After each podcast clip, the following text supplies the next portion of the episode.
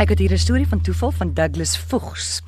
Hy sê in 1992 het ek die grondpaaie in die Kalahari naby Hotters Hill geskraap met 'n padskraper. Ek het destyds vir die paaie administrasie gewerk.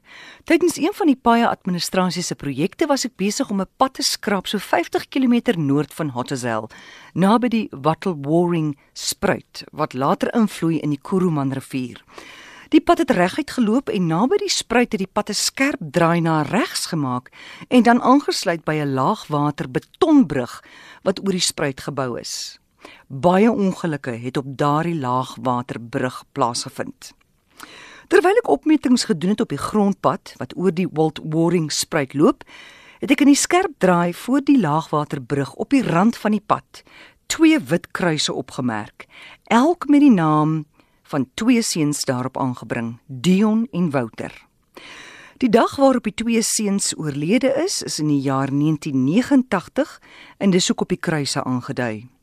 Ek moes egter die twee kruise verwyder omdat ek die pad sou skraap op die plek waar hulle gestaan het.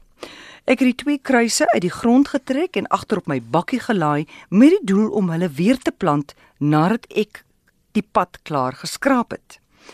Die dag nadat ek die draai in die pad by die laagwaterbrug klaar geskraap het, ek onthou dit was 'n Vrydag, het ek 'n berig ontvang dat ek volksrus toe moet gaan omdat my skoonouers wat op die dorp bly een of ander probleem gehad het waarmee ek moes help.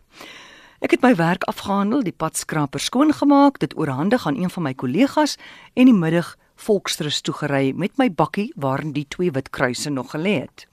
In Volksrust aangekom het my skoonpa aan my verduidelik dat ek moet help om trekkeronderdele na oom Dawie Norkee te neem op 'n klein hoewe net buite die dorp.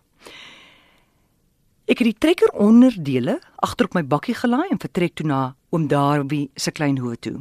Toe ek op op oom Dawie se werf stop, het hy aangestap gekom van die stoor se kant af en my gegroet. Terwyl ons gesels oor die onderdele wat ek saamgebring het, sien oom Dawie toevallig die twee kruise wat ook agter op my bakkie lê.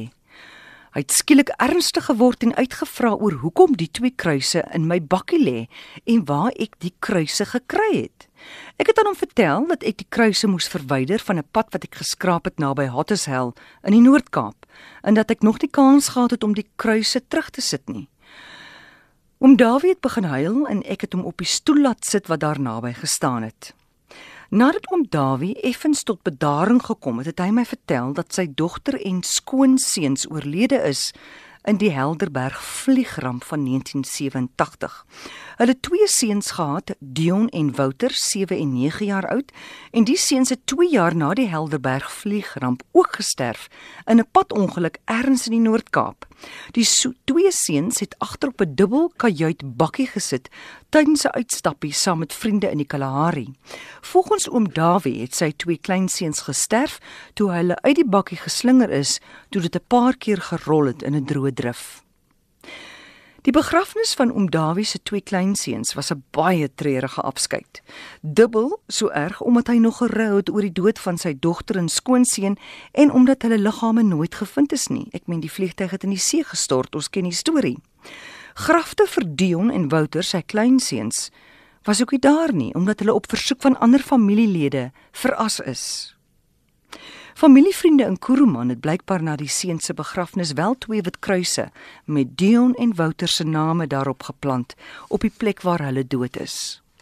Onlangs toe ek weer by my skoonouers op Volksrust gaan kuier het, het ek uitgevra oor oom Dawie Norkee. Daar is toe aan my vertel dat hy 'n paar jaar gelede dood is en hy's begrawe in Volksrust se nuwe begrafplaas langs die Ovaalbaan en dat hy voor sy dood versoek het dat die wit kruise van sy twee kleinseuns op sy graf geplaas moet word. Dion en Wouter se wit kruise is inderdaad nog daar op oom Dawie Norkee se graf in Volksrust se begrafplaas langs die Ovaalbaan.